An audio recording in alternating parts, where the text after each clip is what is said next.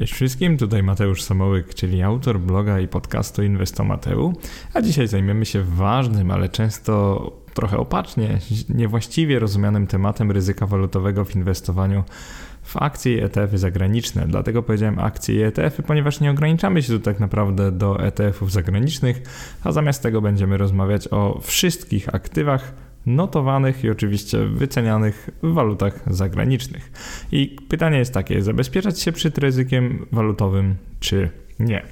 I ci z Was, którzy jeszcze nie rozumieją zabezpieczenia walutowego, albo raczej ryzyka walutowego, to wyjaśnię je na bardzo prostym przykładzie. Jeżeli jesteśmy inwestorami polskimi, rezydujemy w Polsce, zarabiamy w polskim złotym i ewentualnie inwestujemy w aktywa zagraniczne poprzez wymianę walut, czyli po prostu wymieniamy złote na przykład dolary, euro czy nawet jeny, może funty i w tych walutach inwestujemy, czyli kupujemy na przykład ETF na indeks S&P 500, on często jest notowany w dolarze, ale ta waluta notowania oczywiście nie ma znaczenia.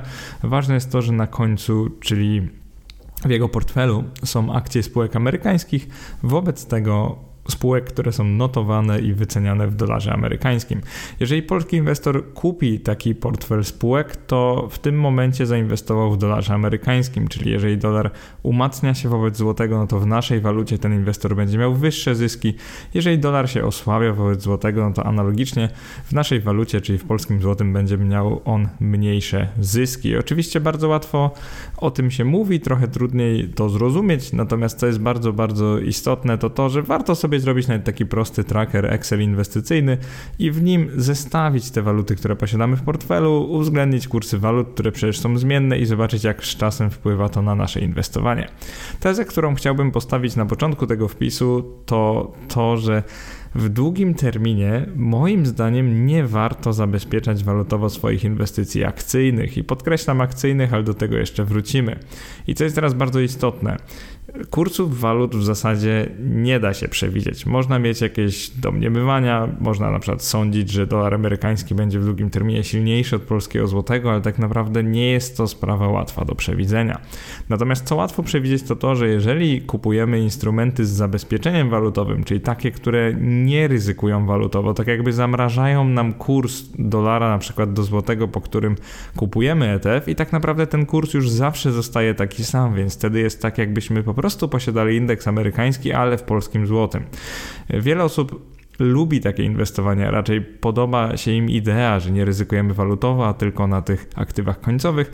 Natomiast problemem z takim zabezpieczeniem jest to, że jest ono dość kosztowne. Ono zwykle kosztuje między 0,4 a 0,6% rocznie, czyli przykładowo, jeżeli byśmy wybrali ETF na światowe akcje bez zabezpieczenia kosztowałby on nas na przykład 0,18%, natomiast taki z zabezpieczeniem będzie już kosztował około 0,7-0,8% rocznie. I problem jest taki, że o ile nie jesteśmy w stanie przewidzieć ruchów y, kursów walutowych, no to już możemy bardzo łatwo przewidzieć, że takie koszty w długim terminie zjedzą po prostu nasze pieniądze. I to by było na tyle, jeżeli chodzi o ryzyko walutowe i jego wyjaśnienie. I teraz, jeżeli chodzi o przykład, który chciałbym w tym podcaście podcaście omówić. No zacznijmy od polskiego złotego do dolara amerykańskiego. Przede wszystkim w latach 1991-2020, czyli mniej więcej tyle, ile już istnieje ta nasza nowożytna Polska po PRL-u. I przy okazji tyle, ile ja jestem na tym świecie, bo urodziłem się w roku 89, ale to taka dygresja. W tych latach przede wszystkim, no, co można zobaczyć? Można zobaczyć, że złoty znacznie stracił wobec dolara, przynajmniej w tych początkowych latach, później trochę zyskał w latach 2002-2008, następnie znowu stracił tak naprawdę od lat porusza się w takim trendzie bocznym, gdzie z, można powiedzieć, że 1 dolar jest wart około 4 zł. Oczywiście ostatnio jest to trochę więcej, natomiast to, co chcę powiedzieć, to jak spojrzymy sobie na cały ten okres, no to widać, że złoty no, wykazuje relatywną słabość wobec dolara, przynajmniej tak było w tych latach latach pierwszych po transformacji, kiedy mieliśmy do czynienia z wysoką jeszcze inflacją i tak naprawdę złoty był wielokrotnie de, de, dewaluowany. To jest bardzo istotne, że był to trochę taki sztuczny proces, natomiast było to wymagane z punktu widzenia gospodarki. I teraz, jeżeli byśmy zrobili sobie taką symulację inwestowania 1000 zł miesięcznie z zabezpieczeniem walutowym i bez, i teraz ci dokładniejsi z Was powiedzą, że przecież nie dało się w tych latach inwestować z takim zabezpieczeniem e, w indeks na przykład spółek amerykańskich, no ale dla przykładu chyba tak żeby wam tylko pokazać, jak działa zabezpieczenie walutowe, chciałem to tutaj namalować. I teraz, jeżeli chodzi o inwestowanie, to wygląda to tak, że oczywiście inwestor, który się nie zabezpieczył walutowo w latach, kiedy złoty tracił, czyli w tych początkowych, czyli 91, 2003 nawet, oczywiście ten inwestor wychodzi na inwestowaniu lepiej, ponieważ posiada w portfelu jakby naprawdę dolar, który radzi sobie lepiej od złotego, czyli nie zabezpieczając się walutowo zarobił więcej. I teraz jaki tu działa mechanizm? Przede wszystkim taki, że od roku 2003 do 2008, czyli wtedy, kiedy złoty był relatywnie silny wobec dolara, tutaj widzimy po różowym przebiegu, nagle inwestor, który zabezpieczył się walutowo, mimo kosztu tego zabezpieczenia, które wynosi 0,8% wobec tylko 0,15% dla tego indeksu czerwonego, czyli bez zabezpieczenia walutowego, nagle ten inwestor różowy, czyli zabezpieczony walutowo, zaczyna wygrywać. Czyli widzimy tu taki efekt, że no, złoty jest nagle relatywnie silny do dolara, na rynkach akcji są dobre lata dość, więc inwestor zabezpieczony zaczyna wygrywać, ale nie na długo. I teraz następuje kryzys finansowy 2008-2009. Obydwaj inwestorzy tak naprawdę tracą sporo pieniędzy.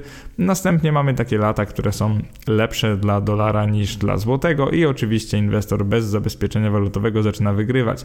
To, czego nie powiedziałem, to to, że ten efekt 0,65 punktu procentowego w kosztach funduszy, czyli zauważcie, że ten zabezpieczony walutowy jest droższy, powoduje powoduje takie coś, że przez 30 lat obiektywnie ten inwestor, który tu jest różowym przebiegiem oznaczony, czy inwestor zabezpieczony walutowo, przegrywa z inwestorem bez zabezpieczenia walutowego. Także to nie jest oczywiście żaden dowód, ponieważ mamy tu krótki okres.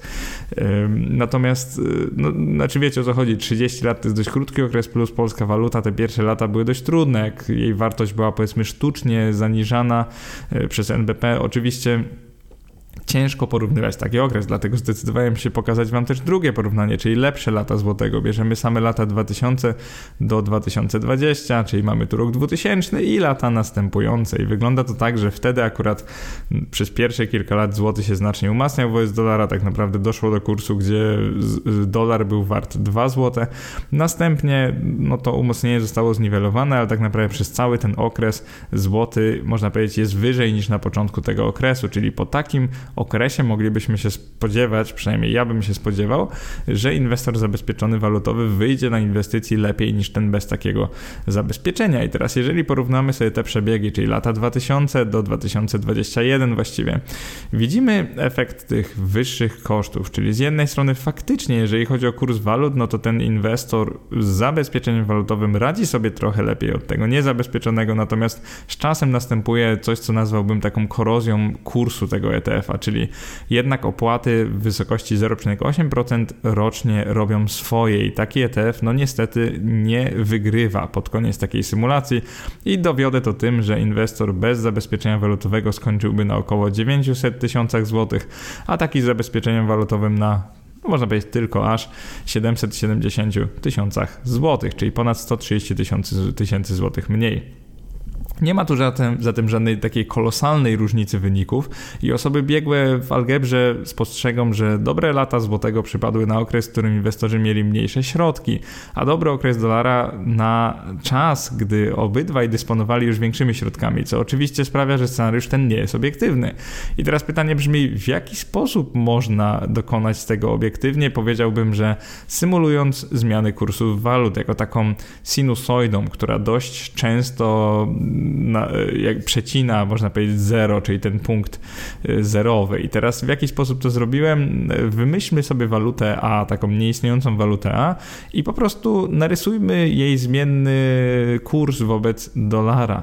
Wygląda to tak, że wymyśliłem sobie walutę, wymyśliłem sobie okres 50-letni i stwierdziłem, że będziemy mieli taki neutralny kurs wobec dolara. Wygląda to zupełnie jak sinusoida i taka, która naprawdę oscyluje wokół 4.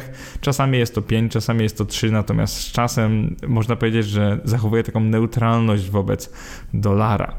I Dlaczego w ogóle zrobiłem taką symulację? Przede wszystkim dlatego, że chciałbym Wam pokazać, jakby wyglądało e, inwestowanie 1000 jednostek tej waluty A miesięcznie z zabezpieczeniem walutowym i bez. Oczywiście ta waluta nie istnieje, przebieg zupełnie wymyśliłem, natomiast jedyne co jest realne to koszty, czyli w długim terminie mamy albo opłaty 0,15% rocznie, to jest bez zabezpieczenia walutowego, albo mamy opłaty 0,8% rocznie z zabezpieczeniem walutowym. No i wyobraźcie sobie, że po prostu kurs walut to jest taka sinusoida, która co jakieś, żeby Wam pomóc sobie to wyobrazić, co prawie 10 lat e, wykonuje pełen swój, można powiedzieć, okres, czyli pełen ten przebieg z 4 do 4. I teraz jak to wygląda? Przede wszystkim tak, że oczywiście, że czasami popłaca zabezpieczenie walutowe, a czasami nie. Natomiast w długim terminie koszty no, robią swoje i inwestor, który wybiera tańszy fundusz, po prostu wychodzi tutaj na plus. I to jest o tyle oczywiste. Ja celowo dokonałem tej symulacji w taki sposób, żeby inwestor, to jest indeks, tak swoją drogą, indeks S&P 500, total return i z hedgem albo bez do tej waluty.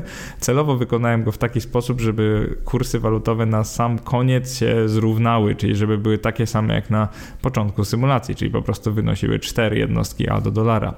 I Ciekawostka jest taka, że inwestor bez zabezpieczenia walutowego kończy na około 23 milionach tej waluty A, natomiast inwestor z zabezpieczeniem na około tak 16 500. Mm, dlaczego to jest tutaj bardzo ważne? No, tu mamy scenariusz neutralny, czyli oczywiście mamy wahania, oczywiście w pewnych czasach y, nałoży się ten kurs walut z indeksem giełdowym, dzięki temu on wygra z tym na przykład zabezpieczonym, natomiast mamy sytuację neutralną, czyli walutę, która z czasem zachowuje się mniej więcej jak dolar, po prostu oscyluje wartościowo wokół niego, a koszty są zawsze.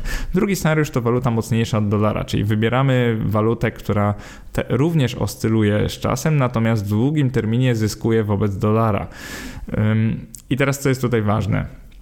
Wyobraźcie sobie po prostu, że kraj w jakimś sensie ma nadwyżkę handlową ze Stanami Zjednoczonymi, w jakimś sensie no, jego waluta w ciągu 50 lat jednak poszła trochę do góry i o ile na początku wynosił ten kurs 5 y, dolarów jakby za walutę A, no to już na końcu jest to tak 5,60 i oscyluje on zdecydowanie w górę.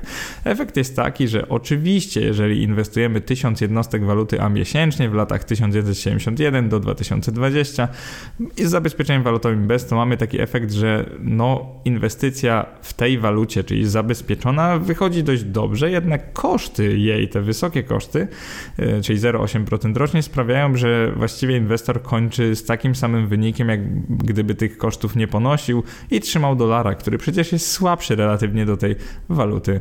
A, i moim zdaniem to jest przełomowy moment tego podcastu, ponieważ nikt z nas nie zna przyszłości. Jeżeli obydwa państwa i obydwie waluty, w tym przypadku ta waluta A i dolar amerykański, będą istnieć przez 50 lat inwestowania. Korzystanie z drugiego, takiego drugiego zabezpieczenia walutowego, podkreślam, w części akcyjnej portfela może się po prostu nie opłacać. No i smaczku tym wnioskom dodałbym w ten sposób, że po pierwsze inwestowanie to gra prawdopodobieństw i co inwestor to inna opinia, a niektórzy wynoszą swoje opinie niemal na poziom faktów i są pewni tego, że na przykład dana waluta swoim kursem wróci do swoich dawnych jakichś średnich lub w przyszłości znacznie przekroczy historyczne poziomy wobec innej waluty.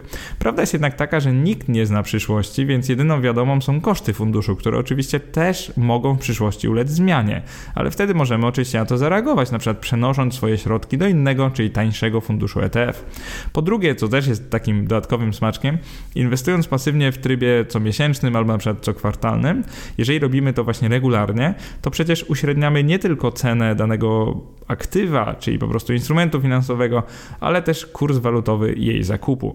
Nie pozostaje to bez wpływu na inwestycje, sprawiając, że nawet w punkcie wydającym się jakimś maksimum walutowym, gdy na przykład dolar lub euro są bardzo drogie lub minimum kursu takiej waluty wobec naszej, nie powinniśmy się tym specjalnie martwić, bo przecież długoterminowy kurs zakupu tej waluty będzie przez nas uśredniony, więc jeżeli nawet kupimy za tysiąc czy kilka tysięcy złotych na tych maksimach walutowych, no to pamiętajcie, że przecież będziemy kupować dalej. Żeby ten podcast był kompletny, przecież musimy umówić też walutę, która jest słabsza od dolara, czyli trochę jak złoty w ostatnich latach. W długim terminie jednak traci wobec dolara i ta akurat zaczyna na początku, że jej jednostka jest warta 3 dolary, a na końcu już niecałe 2,50 dolara. I też mamy taką sinusoidę, ale wyobraźcie sobie, że po prostu w tym przypadku waluta w długim terminie traci wobec dolara, czyli jakby ekonomicznie ten kraj jest słabszy od Stanów Zjednoczonych Ameryki Północnej. Mamy znowu symulację inwestowania 1000 jednostek miesięcznie z zabezpieczeniem walutowym i bez. No i co tutaj widzimy? Przede wszystkim widzimy to, że ok, są takie y, momenty, na przykład to są lata 92 około, później mamy 2002, później gdzieś te wykresy się zbliżają w roku 2015, także z wykresu da się odczytać, kiedy ta waluta zachowuje się dobrze wobec dolara, czyli jej kurs jakby ona staje się silniejsza od dolara relatywnie w danym okresie, natomiast w długim terminie mamy nie dość, że koszt zabezpieczenia walutowego, to jeszcze obstawiliśmy niewłaściwą walutę i po prostu inwestycja w dolar albo w dolarze amerykańskim się po prostu opłacała. Kończy się to w ten sposób, że inwestor niezabezpieczony walutowo kończy z ponad 22 milionami jednostek A, natomiast ten zabezpieczony walutowo tylko z około 11 milionami jednostek A. I tym, którzy oskarżą mnie o przygotowanie materiału pod tezę, napiszę i powiem raz jeszcze, że według mnie absolutnie nikt nie potrafi przewidzieć przyszłego kursu waluty obcej wobec waluty swojego kraju, dlatego najrozsądniejszą radą, którą mogę Wam dać, jest po prostu nie uiszczanie dodatkowych kosztów, na przykład nie płacenie 0,6 e, punktu procentowego więcej opłat rocznie tylko dlatego, żeby zabezpieczyć swoją część akcyjną walutowo, gdy po prostu nie jesteśmy w stanie przewidzieć kursu walutowego, ponieważ koszty będą na pewno, a nasza waluta być może będzie silniejsza od dolara, ale tak naprawdę tego nie wiemy. I teraz pamiętajcie też o tym, że koszty zabezpieczenia są wiadome, czyli tak zwane total expense ratio fundusz je podaje. Ono się może zmienić w przyszłości, ale zauważcie, że jeżeli mamy fundusz za 0,8 punktu procentowego rocznie, czyli mniej więcej tyle, ile wynoszą obecnie koszty funduszy INPZ-u, tych pasywnych, czy ETF-ów beta spod znaku Agio Funds, czyli tych, które zabezpieczają się walutowo. Akurat beta ma nawet chyba droższe obecnie, e, ponad 1% rocznie. Więc jeżeli mamy do wyboru coś, co kosztuje 1% rocznie i ma to zabezpieczenie walutowe, a coś, co kosztuje, nie wiem, 0,1% rocznie i inwestujemy w naprawdę długim terminie, to wtedy przestaje mieć znaczenie to, że akurat jeden z nich ma zabezpieczenie walutowe a drugi nie. Jeżeli chodzi o wahania kursów, no to nie przeczę tutaj, że nie ma sprawdzonych, działających metod na skuteczny trading, ponieważ one są. Są traderzy, którzy zarabiają pieniądze, ale uważanie, że da się przewidzieć przyszłe ceny akcji, a już w ogóle kursy walut jest jak deklarowanie, że posiada się sprawną i przepowiadającą przyszłość szklaną kulę. I jestem tutaj świadomy, że są na pewno słuchacze tego podcastu, którzy chcieliby używać zabezpieczenia walutowego w sposób aktywny, sugerując na przykład, że teraz jest pora na przejście na fundusz z zabezpieczeniem, ponieważ do dolar lub euro są na swoich historycznych maksimach. Tylko pamiętajcie o tym, że naprawdę nikt nie wie, jak kształtować się będzie przyszły kurs i maksima mogą nam się wydawać, na przykład jak to było dla euro jeszcze nie tak dawno temu, na poziomie 4,5, a później na poziomie 4,7, a później na poziomie 5, więc tak naprawdę no, nie wiemy, jaki będzie kurs walut, więc nabierzmy trochę pokory do inwestowania. Teraz jeżeli chodzi o zabezpieczenie kursowe wobec obligacji, tutaj bym e, przede wszystkim e, trochę nawiązał do bardzo dobrego materiału, który nazywa się Akcje globalne, obligacje lokalne, podstawowy portfel polskiego inwestora. Przygotowali go czynny dyskutant na moim blogu, Maciek i Artur Wiśniewski, autor bloga stockbroker.pl, także pozdrawiam tutaj chłopaków i na przykładzie zademonstruję, dlaczego na części obligacyjnej portfela można natomiast przemyśleć zabezpieczenie walutowe. Robimy scenariusz obligacji i obligacje tradycyjne tradycyjnie przynoszą niższą stopę zwrotu od akcji, no to jest oczywiście związane z ich niższą zmiennością, nawet jak są notowane na rynkach i z tym, że kupon przez nie wypłacany zwykle jest mniejszy niż wzrost cen akcji.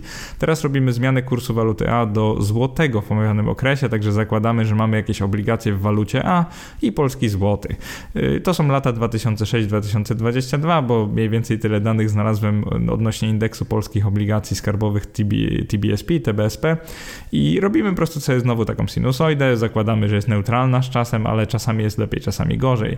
I teraz jak wyglądałaby inwestycja z perspektywy Polaka, gdyby kupił niezabezpieczone obligacje, czyli na przykład jakiś ETF na te obligacje w walucie obcej A, a gdyby kupił go w PLN, czyli po prostu tak jak powinien indeks polskich obligacji skarbowych. No i wygląda to dość zabawnie, bym powiedział, ponieważ no, nazwałbym, nazwa, nazwałbym ten wykres, dlaczego obligacje skarbowe w walucie obcej mogą nie być dobrym pomysłem.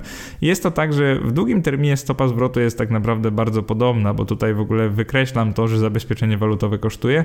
Zakładam, że nie. Natomiast powoduje coś, coś takiego, że inwestor złotówkowy, gdyby kupił czyste TBSP, czyli po prostu w polskich złotych, no to miałby taki powoli rosnący wykres z takim powiedzmy delikatnym zyskiem w czasie. Natomiast gdyby kupił te same obligacje tylko w walucie obcej, tak jakby wyobraźcie sobie, czyli jakby zabezpieczone do innej waluty, e, lub po prostu nie był inwestorem złotówkowym, inwestował w tej walucie walucie A, no to wykres już wygląda zabawnie, ponieważ jest to taka wzrostowa, ale jednak sinusoida, czyli mamy tu ogromną warstwę zmienności, co powoduje, że z czasem ten inwestor jest znacznie bardziej na plus niż inwestor w oryginalnej walucie tych obligacji, a czasem jest nawet pod taką krzywą, która określa ile pieniędzy łącznie wpłacił do portfela. Podsumowując, niedosyt mogą czuć osoby, które spodziewały się, że poruszę tutaj aktywne sposoby grania na próbie przewidywania przyszłych kursów. Tego nie chciałem zrobić. Natomiast to, co chciałem Wam pokazać, to to, że osobiście biorę obstawianie przyszłej siły własnej waluty, a więc relatywny spadek wartości inwestycji w walutach obcych jako coś niepewnego. Więc uważam, że warto redukować koszty, a nie zawsze warto zabezpieczać się walutowo, bo po prostu nie znamy przyszłości i powinniśmy mieć do tego dużo pokory. Bardzo dziękuję, mam nadzieję, że się podobało i trzymajcie się do następnego. Cześć.